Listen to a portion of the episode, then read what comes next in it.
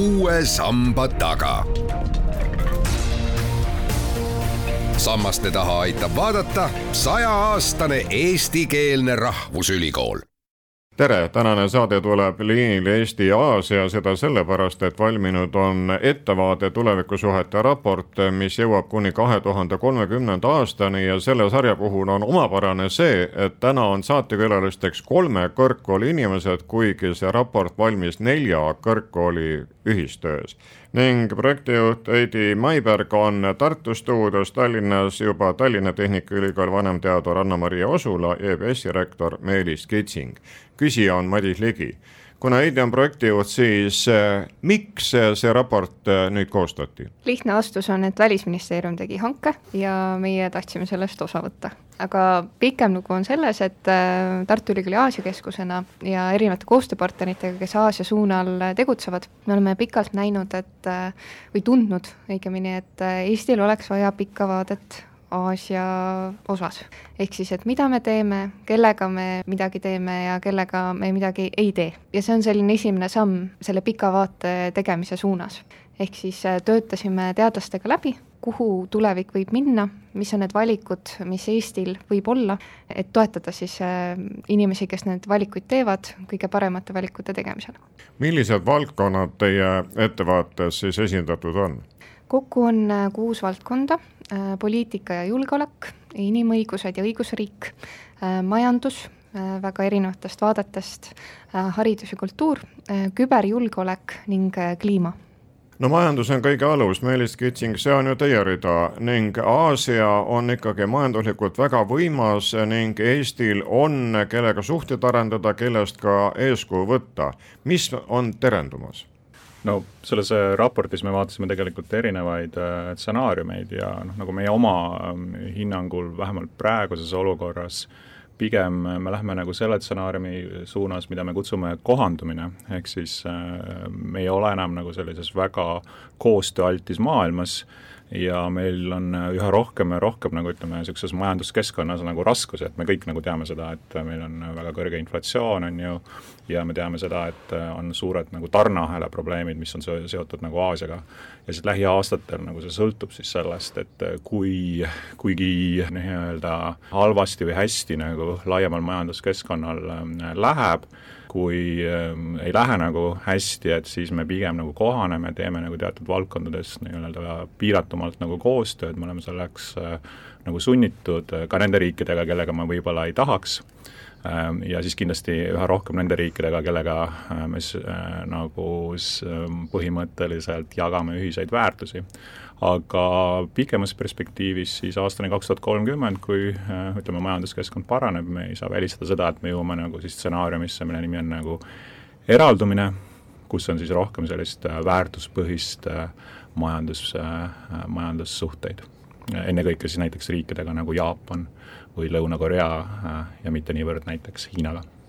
Anna-Maria Osula, teie leivaks on kübervaldkond, kas samade mõistetega võime määratleda tuleviku eraldumine ja kohandumine ka siis äh, selle rea peal? jaa, et tegelikult äh, meil on veel kaksteist stsenaariumi nimega kokkupõrge ja koostöö,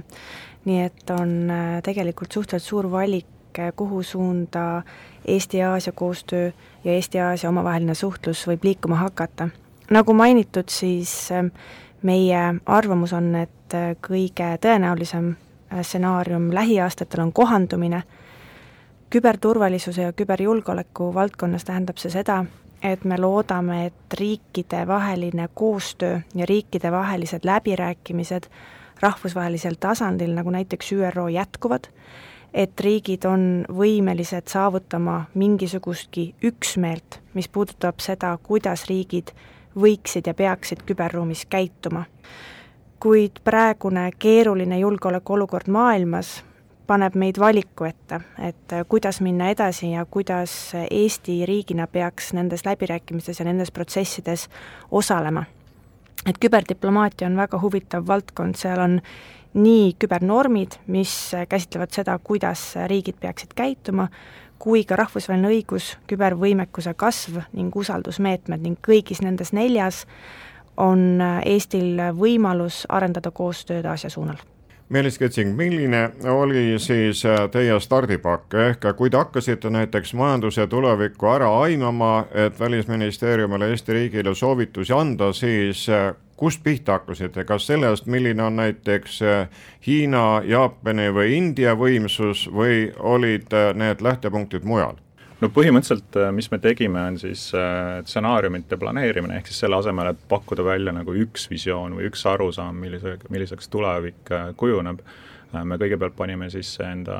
teadlaste grupiga siis Tartu Ülikoolist, TalTechist, ähm, Sisekaitseakadeemiast, EBS-ist nagu paika need asjad, milles suhtes me olime nagu enam-vähem üksmeelel, et äh, need on nagu sellised äh, konkreetsed trendid, on ju, mis jätkuvad tulevikus. aga siis enda töös me keskendusime ikkagi peamiselt sellele, et mis on nagu siis sellised määramatused, et mis on nagu ebaselge, mille suhtes on nagu raske nagu öelda konkreetselt, et mis suunas see saab minna ja üks niisugune keskne, keskne teema oli siis, äh, mis juhtub üldse nagu üldise keskkonnaga, et see ei puuduta nüüd ainult majanduskeskkonda, aga see puudutab ka nagu kliimaküsimusi, julgeolekut ja ähm, see on nagu hästi lai nagu mõiste, aga põhimõtteliselt keskkond võib olla nagu soodsam ja nagu ebasoodsam, et siis noh, majanduse puhul siis see tähendab see seda, et et kui, kui keskkond on soodsam, on ju, et me oleme näinud seda siin viimastel aastakümnetel, et äh, tegelikkuses on nagu maailma majandusel, hoolimata siin vahepealsest suuremast kriisist, on ju, läinud suhteliselt nagu hästi, koostöö vähemalt teatud tingimustel, teatud ulatuses erinevate riikide vahel on nagu toiminud aga nüüd viimasel ajal me näeme, et see keskkond on nagu tegelikult väga oluliselt nagu halvenenud. et ühest küljest siis kas keskkond võib olla ka järgmise kaheksa aasta jooksul soodsam või, või ebasoodsam, ja teisest küljest oli väga oluline see, millest nagu me lähtume sellel koostöös, et kas see on nagu rohkem selline väärtuspõhine koostöö, noh, see puudutab ka otseselt majandust, on ju, et kui me mõtleme tarneahed, ahelate peale, et siis tegelikult see termin, mis me kasutame üha rohkem, on väärtusahelad, ehk siis eh, nad kannavad ka endas edasi teatud väärtused, kellega me kaupleme, kust me kaupu nagu ostame ja teisest küljest siis selle väärtuspõhise vastandumise puhul oli see teine spektrum siis äh, nii-öelda puhas huvipõhine koostöö, kus siis noh, ütleme, et need väärtused ei ole nagu nii tähtsad, et me lihtsalt lähtume väga kitsastest majanduslikest huvidest, et me ostame näiteks Hiinast kaupu sellepärast, et see on lihtsalt kõige odavam, hoolimata sellest, et kuidas need kaubad on toodetud, kas nende näiteks tootmisprotsessi käigus on kasutatud vangide tööjõudu või üldse nagu rikutud inimõigusi ja nii edasi jah, eks samamoodi huvitav liin on siin ka selle kommunistliku Hiina käitumine, sellepärast et kui muud riigid ikkagi ajavad noh, nii-öelda läänelikel alustel, siis Hiinal on see suund natuke teistsugune, plaanimajandus jaa, absoluutselt, et noh, ühest küljest nagu noh, seni nagu Eesti kaubandussuhted, otsesed kaubandussuhted tegelikult Hiinaga ei ole olnud üldse suured, et me oleme suhteliselt vähe, seal kuskil üks protsent või või natukene üle selle viimastel aastatel enda kogu ekspordist ainult eksportinud Hiinasse, me oleme importinud nagu rohkem, seal kolme-nelja protsendi kanti äh, Hiinast, aga see on ikkagi, Hiina on olnud nagu otseses kaubandussuhetes Eesti puhul. äh, suhteliselt äh, väikese rolliga, aga kindlasti on Hiinal väga oluline mõju kaudselt, et ka väga palju kaupu, mida me näiteks ekspordime Soome, Rootsi või Saksamaale, on tegelikult nende samade väärtusahelate kaudu seotud otseselt äh, Hiinaga. Ja siin noh, tekib hästi palju nagu niisuguseid huvitavaid dilemmasid, et noh, näiteks näeme seda väga otseselt nagu Leedu puhul, kus Leedu hakkas ajama sellist rohkem väärtuspõhist välispoliitikat ja tulemuseks oli see, et mitte ainult ei katkenud nagu siis kaubandussuhted Hiina ja Leedu vahel otse, vaid Hiina hakkas ka survestama suuri multinatsionaalseid ettevõtteid, näiteks Continentalit, et nad enam ei tarniks siis teatuid tooteid Leedust, on ju, nii et, et, et noh, et see väärtusahelate kaudu seotus tegelikult on Eesti väiksusega majanduse puhul palju suurem kui selline nagu otse, otse, otsesuhted, ütleme, Hiinaga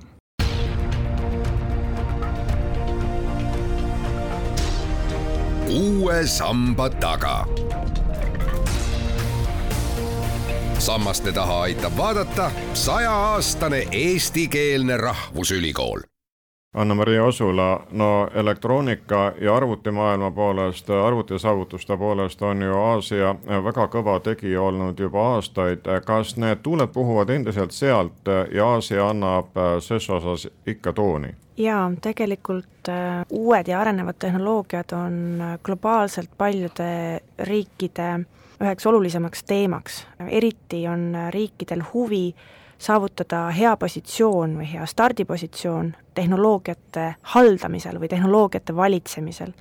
ja siin me räägime just uutest tehnoloogiatest nagu tehisintellekt, plokiahela tehnoloogiad ja nii edasi. ja siinkohal tõesti on Hiina suhteliselt esirinnas. üks teema, mida me ka oma analüüsis kajastasime, on standardid ja standardid on siis vahend selleks, kuidas kujundada tehnoloogiaid äh, ja nende, neid ümbritsevat regulatsiooni. ta ei ole õiguslikult siduv, ta on pigem tehniline regulatsioon, kuid äh, see on just vahend, mida kasutatakse nende arenevate tehnoloogiate äh, haldamise küsimustes ja seal on selgelt näha, kuidas hetkel liidripositsioonil, mis puudutab standardiseerimist, on Hiina USA on auväärselt teisel kohal ning Euroopa Liit teeb tugevaid äh, ponnistusi, et äh, neil kannul püsida.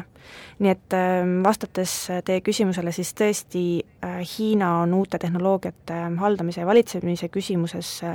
väga, väga heas positsioonis. kuid samuti ka Jaapan ning Lõuna-Korea on tugevad mängijad, mis puudutab uute tehnoloogiate arendamist, turule toomist ning nende kasutamist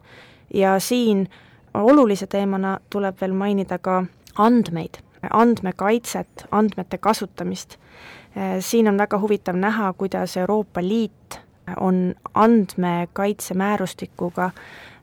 eeskujuks teistele riikidele, nimelt Jaapan ja Lõuna-Korea on juba Euroopa Liidu andmekaitsemäärusest eeskuju võtnud ning ähm, ka teised riigid ähm, vaatlevad,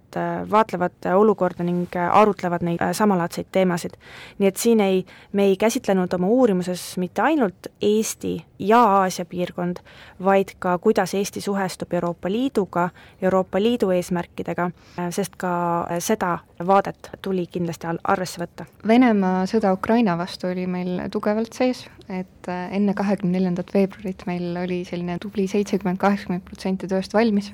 ning pärast seda võtsime pausi ja vaatasime, kuidas, kuidas sündmused arenevad ja kirjutasime päris palju ümber. eelkõige meie huvi oligi see, et kes on need partnerid, kellega me saame koostööd teha ja mis on need siis viisid, kuidas me saaksime seda teha nelja kõrgkooli teadlased on nüüd oma tarkuse kokku pistnud ja selle raportiks vormistanud Välisministeeriumile üle andnud. mis saab siis edasi, kas teie nüüd jätkate, üks raport on valmis ja künnate seda vagu edasi või on see praegu vahefiniši koht? Praegu on vahefiniši koht, töötame selle nimel, et äh, üldsus saaks teada raportist ja tulemustest, meil on väga hea meel seda arutada erinevates, erinevatel viisidel erinevate inimestega. äh, ja soovime, et ühiskond üha rohkem hakkaks rääkima, et äh, mis suunal me võiksime liikuda, mis on need riigid, kellega teha koostööd ja mis teemadel teha koostööd. küll aga panime tiimina kirja võimalikke jätku-uuringuid, märkimaks ära, et mis on need valdkonnad, kus kindlasti peaks uurimist jätkama ja mis on need küsimused, mis vajavad tegelikult lahendamist. et meie jaoks on selline, selle tee algus Meelis Kitsing, aga ilmselt äh, seda ühte võimalikku varianti neljast stsenaariumist kokkupõrget äh, on ikkagi suhteliselt vähe, et me Aasias Eesti mätta otsast vaadatuna näeme koostöövõimalusi, mitte niivõrd ja loomulikult kõige tavalisemat konkurentsi, kuid äh, mitte niivõrd otsest vastastikust tõukumist. no selle kokkupõrke all me mõtlesime nagu laiemalt, äh, mis toimub äh, maailmas ja see kokkupõrge võib tähendada rohkem siis ütleme näiteks äh, võimalikke proksi sõdasid Ameerika Ühendriikide ja näiteks Hiina vahel, on ju, need võivad ka võtta sellise intensiivsema majandusliku sõjavormi, et, et selline, see on selline nagu laiem, laiem kontseptsioon. Aga jah, et antud juhul meil on neli stsenaariumit, millest me siis arvame, et äh, kohandumine ja eraldumine, vähemalt nagu meie ekspertide hinnangul, on need sellised stsenaariumid, mis äh, noh, su-, millel on nagu suurem tõenäosus siis realiseeruda järgmise kaheksa aasta jooksul koostöö ja kokkupõrge on siis stsenaariumid, millel on nagu väiksem tõenäosus, aga seda nagu välistada ei saa, et mõte on ikkagi selles, et noh, mõelda nagu võimalikult laia nagu variantide spektrumi peale, et mitte lihtsalt keskenduda nagu ühele visioonile, mida inimesed arvavad, et mis võiks nagu juhtuda. ja selles mõttes, et see, see ei ole lihtsalt nagu selline huvitav mõttetöö, et ma arvan, et kõik noh, kui majandusest rääkida, et siis kõik ettevõtjad tegelikult peaksid, kes tahavad selles suun-, tahavad Aasia suunal nagu tööd teha, et peaksid tegelikult mõtlema nende võimaluste peale ja olema siis kursis, et kuhu suunas need arengud võivad toimuda, et mitte lihtsalt eeldada, et üks niisugune lihtne visioon realiseerub raport on teil tehtud ja nagu öeldud, Välisministeeriumile ka esitatud, kuid täna jagate selgitavat sõna raadiokanali kaudu, kus on veel võimalik siis teadlastel oma nägemust esitada? kas on teid kuhugi kutsutud, on teil mõni kohtumine kirjas ka suverahus, ehk saate võimendada seda tööd, mis te teinud olete? See kokkuleppimine praegu just käib, et äh, kahjuks ei saa selles mõttes äh, kindlaid kuupäevi välja öelda, aga me töötame selle nimel, et äh, et saaks nii poliitikute seas tutvustada kui ka välis, välispoliitika huviliste, aga ka laiema üldsuse seas tutvustada oma tulemusi ja kuulata nende inimeste arvamusi vastu. Ma võiks omalt poolt öelda, et äh, kuna ma ise ka nagu õpetan päris palju, et siis äh, ja õpetan ka stsenaariumite planeerimist, et siis iga, iga uus töö, mis ma nagu teen selles valdkonnas, on midagi, millest ma siis räägin ka nagu erinevatele gruppidele, et ma õpetan siis äh, siin Prantsuse ühest ärikoolist magistrante kes on tulnud Eestisse ja samuti augustis meil on suveülikool, kus me räägime ka osadel nendel teemadel, mis äh, puudutavad näiteks digitaliseerimist ja kliimat äh, detailsemalt, nii et jälle, et see selline nagu koostöös valminud materjal on, on minu jaoks nagu elav dokument, mis nagu võimaldab siis väga erinevate gruppidega seda arutada ja kindlasti on see uuring äh, kasulik äh, mitte ainult Välisministeeriumile, vaid ka teistele Eesti ministeeriumitele ning asutustele, sest et nii või teisiti koostöö Aasia suunal on oluline kõikides valdkondades, nii et selles mõttes on see väga hea algatus Välisministeeriumi poolt jah, kui meenutada siin kas või viimast paari aastat, siis meie Majandusministeeriumi ja ka Maaeluministeeriumi omad on seda vahet päris hoolega käinud, sest see tee sillutamine võtab ikka sealses kultuuris tunduvalt rohkem aega kui Euroopas. absoluutselt minu enda kogemus on olnud just Jaapaniga suhtlusel ning seal on see tutvumise periood ähm, ja nii-öelda vaatlemise periood väga pikk. et äh, usalduse tekkimine võtab äh, vähemalt Jaapani puhul äh, kõvasti aega kallid saatekülalised, aga me vaade on ikkagi kaks tuhat kakskümmend kaks kuni kaks tuhat kolmkümmend Aasia suunal optimistlik, kas nii? pigem optimistlik, et meil on väga palju tegevusi, mille osas me peame kindlasti koostööd tegema. On need siis seotud inimõiguste või äh, kliimakriisiga, et äh, koostööd kindlasti peab tegema, pigem on see küsimus, et kellega ja kuidas. tegelikult äh, kui mõelda selle peale, mis maailmas toimub, siis ühest küljest oleks lihtne öelda, et ärme suhtle, ärme räägi, näitame hästi tugevalt oma arvamust, boikoteerime. kuid pikas vaates peavad säilima mehhanismid, peavad säilima platvormid selleks, et riigid saaksid omavahel suhelda, isegi siis, kui seda suhtlust varjutavad äh, tõsised kriisid. Jah, et äh, me peame ikkagi endale aru andma, et Eesti on väike riik, kus on üks koma kolm miljonit elanikku ja Aasias on väga palju erinevaid nagu riike, et ma arvan, et nende erinevate riikide puhul ükstapuha, milline stsenaarium lõpuks realiseerub, me ikkagi leiame endale olulised koostööpartnerid ja selline üldine sõnum on siis see, et me peame Aasiale rohkem tähelepanu pöörama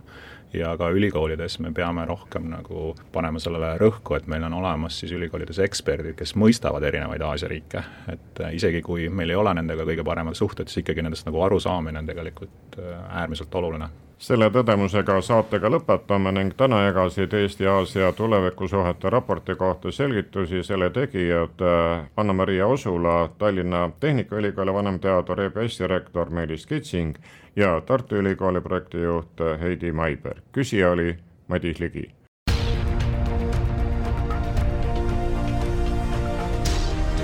uue samba taga